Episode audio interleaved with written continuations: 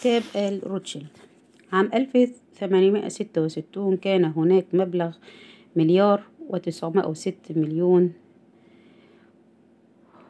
وستة آلاف سبعمائة ثمانية وثمانون ألف دولار في التداول في الولايات المتحدة. وهبط هذا الرقم سنة ألف ثمانمائة ستة وسبعون إلى ستمائة وخمس مليون ومائتين وخمسون ألف.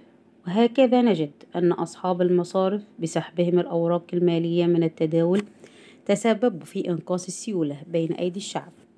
وسحبوا مبلغ يفوق المليار وثلاثمائة مليون دولار مما سبب ستة وخمسون ألف ربعمائة ستة وأربعون حادثة انهيار مالي.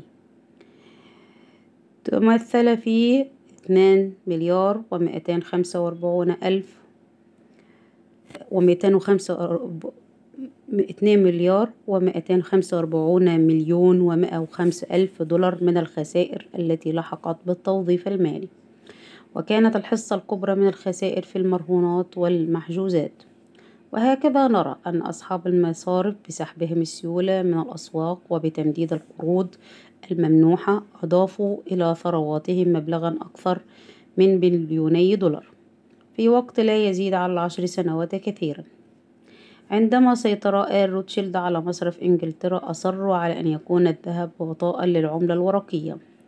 وفي سنة ألف ثمانمائة وسبعون تضايق أصحاب المصارف الأوروبيون عندما واجهتهم صعوبة السيطرة على النقد في الولايات المتحدة. فقد كانت الولايات المتحدة تستعمل الفضة في سبك وإصدار عملاتها. وهكذا. قرر هؤلاء تجريد الفضة من قيمتها الإبرائية في الولايات المتحدة. أوفد أصحاب المصارف الأوروبيون أرنست سيد مندوبا عنهم إلى أمريكا ووضعوا تحت تصرفه مبلغ نصف مليون دولار لاستخدامه في شراء ضمائر الشخصيات الرئيسية في الهيئات التشريعية الأمريكية. وأعطى أصحاب المصارف التعليمات لعملائهم عام 1873 لاقتراح مشروع قانون إصلاح إصدار العملة المعدنية وكانت مسودة المشروع مصنوعة بمهارة بحيث لا تظهر الغرض الرئيسي منه.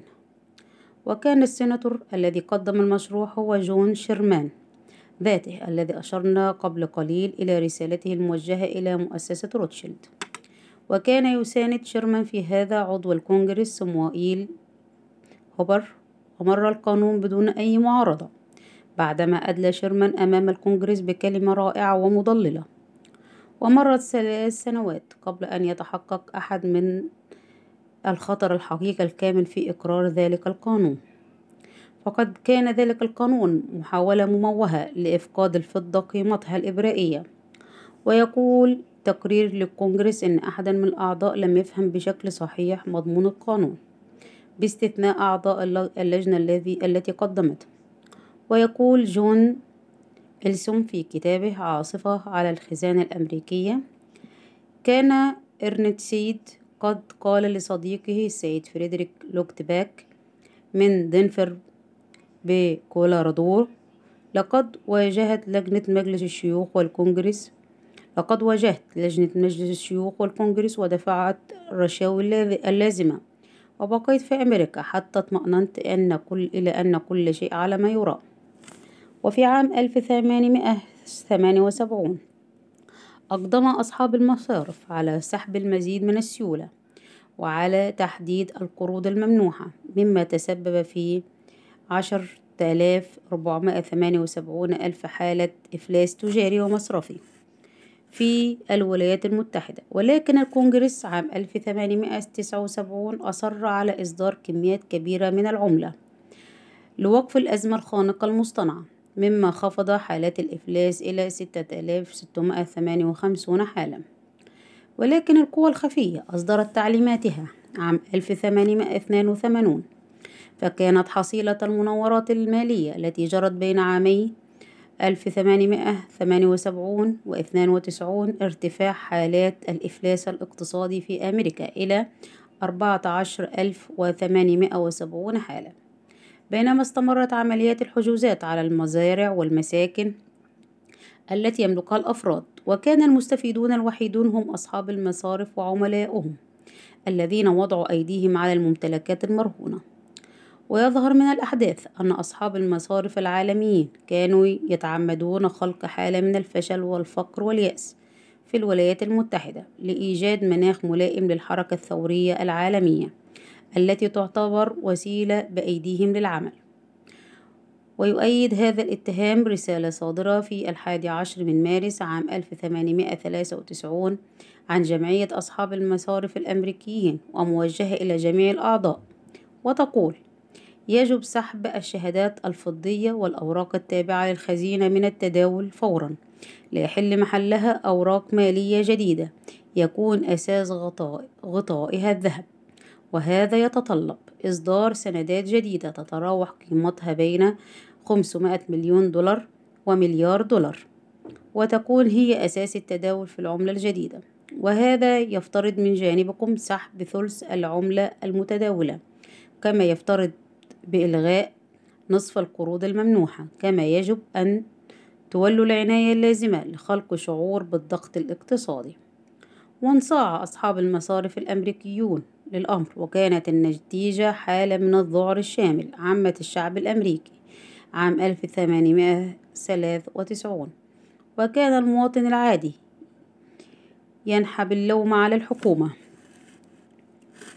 وفي عام 1899 عقد في إنجلترا مؤتمر كبير لأصحاب المصارف في العالم وحضره عن أمريكا مندوبان هم مورغان وأنتوني دريكسل. وعند عودتهما إلى أمريكا عهدت مؤسسة روتشيلد إلى مورغان بتمثيل وإدارة مصالحها. وقد برهن مورغان على كفاءته لهذا المنصب عندما تمكن من بيع بعض الأسلحة الفاسدة للحكومة الأمريكية. وكانت النتيجة التي تمخض عنها مؤتمر لندن هي إنشاء احتكار عالمي يضم المؤسسات التالية. مورغان وشركاه من نيويورك ودريكسل وشركاه من فيلادلفيا وغرينفيل وشركاه من لندن مورغان هارجس وشركاه من باريس مؤسسة واربورغ في ألمانيا وأمستردام. وكانت المؤسسة المشرفة على هذا الاحتكار هي دار روتشيلد. واندمجت مورغان ودريكسل وأسستا هيئة التأمينات الشمالية عام 1901 التي كان الهدف منها إفلاس شركة هاينز موريس وكانت شركة هاينز موريس تسيطر على قطاعات مهمة من الصرافة والشحن وصناعة الفولاذ وصناعات أخرى وكان من المتعين إفلاسها وإخراجها من السوق الأمريكية لتستطيع مؤسسة مورغان دريكسل السيطرة على الانتخابات الاتحادية. ونجحت مؤسسة مورغان دريكسل في إيصال تيودور روزفلت إلى منصب رئاسة الجمهورية عام 1901 وكان هذا هو السبب في تأخير إصدار الحكم عليهم بشأن الاتهامات التي تدينهم باستعمال وسائل غير مشروعة للتخلص من المنافسة.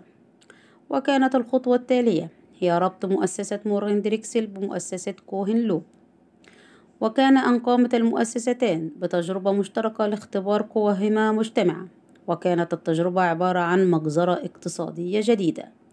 فقد نظمت المؤسستان ما عرف بالرعب في وول ستريت عام 1907 وكانت ردة الفعل الشعبية لوسائل العصابات تلك كافية لحث الحكومة على اتخاذ بعض الإجراءات. وقامت الحكومة بتعيين لجنة خاصة اسمها لجنة النقد الوطني وعهد إلى السيناتور نيلسون أليدريك برئاسة هذه اللجنة. وتبين فيما بعد أن أليدريك كان مرتبطا باحتكارات المطاط والتبغ القوية. وكان أليدريك آخر من يمكن أن يعهد إليهم بهذه المهمة في الكونغرس. وعلى إثر تسلمه لرئاسة اللجنة اختار أليدريك بعض الضباط وسافر وإياهم إلى أوروبا. وأثناء إقامتهم بأوروبا أعطيت لهم كل التسهيلات الممكنة لدراسة الطرق التي يعتمدها أصحاب المصارف في السيطرة على اقتصاديات الدول. وقضى أليدريك في أوروبا سنتين. صرف خلالهما مبلغ ثلاثمائة ألف دولار ثلاثمائة ألف دولار من نقود الشعب الأمريكي. ثم عاد إلى الولايات المتحدة وكان كل ما حصل عليه الشعب هو أن صرح لهم أليدريك أنه لم يكن قادرا على الوصول إلى أي خطة محدودة. تكفل عدم تكرار الأزمات المالية التي كانت تعصف بالولايات المتحدة. ناشر البطالة ومبدد الثروات ورؤوس الأموال الصغيرة. كان أليدريك منذ الحرب الأهلية مقربا من آل روكفلر حتى إن أحد شباب آل روكفلر روكفلر تزوج من ابنته آبي. وقد تلقى أليدريك قبل سفره إلى أوروبا نصيحة باستشارة بول وارغبورغ الذي نزل في في الولايات المتحدة عام 1902 مهاجرا من ألمانيا وتبين فيما بعد أنه لم يكن إلا عضوا في مؤسسة وارغبورغ الأوروبية المالية في هامبورغ وفي أمستردام. وكانت هذه المؤسسة كما أسلفنا تابعة لمجموعة روتشيلد. وقد تمكن في وقت لا يذكر من شراء حصة في مؤسسة كوهن لوب وشركائهما في نيويورك ومنح مرتبا يبلغ النصف مليون دولار سنويا. وكان من الشركاء الجدد في المؤسسة يعقوب شيف وهو الذي مول الحركات الإرهابية في روسيا خلال الأعوام 1883 إلى 1917 وقد قام شيف بالسيطرة الكاملة على حركات النقل ووسائل المواصلات وخطوط الإمدادات في الولايات المتحدة بأسرها. وقد ثبت أن السيطرة على تلك المرافق من أشد الضرورات اللازمة لنجاح أي حركة ثورية في أي بلد من البلدان. وفي ليلة 22 من نوفمبر عام 1910 كانت عربة سكة حديد خاصة تنتظر في محطة هوبوك هوبوكن في نيوجيرسي ووصل إلى هناك السيناتور أليدريك وبصحبته بيات أندروز وهو خبير اقتصادي وأحد كبار موظفي وزارة المالية وكان قد تربى وتلقى تعليمه في أوروبا كما وصل أيضا سكرتير أليدريك الخاص شيلتون ولحق بهم فرانك فاندرليب رئيس مصرف نيويورك الوطني وكان هذا المصرف هو الممثل. الممثل لمصالح آل روكفلر ومصالح شركة كوهن لوب في السكة الحديدية. وكان مدراء هذا المصرف قد اتهموا علنا بمحاولة إثارة الحرب بين الولايات المتحدة وأسبانيا عام 1898 وبصرف النظر عن صحة هذه الاتهامات أو بطلانها فقد كان هذا المصرف إثر انتهاء الحرب مسيطرا على زراعة قصب السكر وصناعته في كوبا. وكان الآخرون الذين انضموا للاجتماع. دافيسون وهو أحد المساهمين الكبار في شركة مورغان وشارل نورتون رئيس المصرف الوطني في نيويورك التابع لشركة مورغان وهؤلاء الثلاثة الآخرون متهمون بمحاولة السيطرة على العملة والحسابات في الولايات المتحدة الأمريكية بأسرها. وكان آخر الواصلين بول وار واربورغ وبنجامين سترونا وكان واربورغ من الغنى والنفوذ بحيث يقال إنه كان وراء المسرحية الفكاهية آني اليتيمة التي تصور آل واربورغ أغنى رجال العالم وباستطاعتهم حماية أنفسهم ومصالحهم بوسائل خارقة. أما بنجامين سترونا فقد اشتهر خلال المناورات المالية التي قادت الأزمة الكبرى عام 1907 وكان سترونا أحد كبار المتنفذين لدى شركة مورغان وقد اشتهر في ذلك المنصب بكفاءته في العمل وتنفيذه الأوامر دون سؤال. وعلم مراسل الصحف باجتماع هؤلاء الرجال الذين يسيطرون على المرافق الاقتصادية الكبرى في الولايات المتحدة الأمريكية. فتوجهوا كالجراد ناحية العربة الخاصة ولكنهم لم يستطيعوا الحصول على تصريح من أي من المجتمعين. وتولى أخيرا السيد فاندرليب إبعاد المرسلين بقوله إننا جميعا ذاهبون لقضاء عطلة نهاية, نهاية الأسبوع هادئة. لم يعرف لم يعرف ماذا جرى في عطلة نهاية الأسبوع الهادئة تلك إلا بعد سنين. أما الذي جرى فكان ما يلي. عقد اجتماع سري في جزيرة جيكل بجورجيا وكان هذا المقر النائي من أملاك مورغان وعدد من شركائه. وما جرى بحثه في ذلك الاجتماع السري كان بحث الطرق والوسائل الممكنة لتخريب التشريعات المقدمة للكونجرس والهادفة لتقليص سلطة الاحتكارات والحد من المناورات والاستعاضة عن هذه التشريعات بتشريعات أخرى لصالح أولئك الذين يحضرون الاجتماع.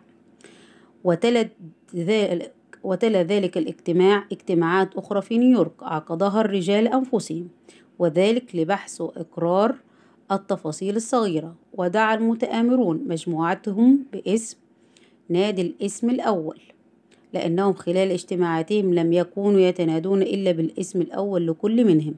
وبالاختصار فقد أعد أليدريك وورغبورغ وشركائهم تشريعات جديدة هي التي قدمت إلى الكونجرس فيما بعد تحت صيغة مقترحات تقدمت بها اللجنة التي شكلت ورأسها أليدريك.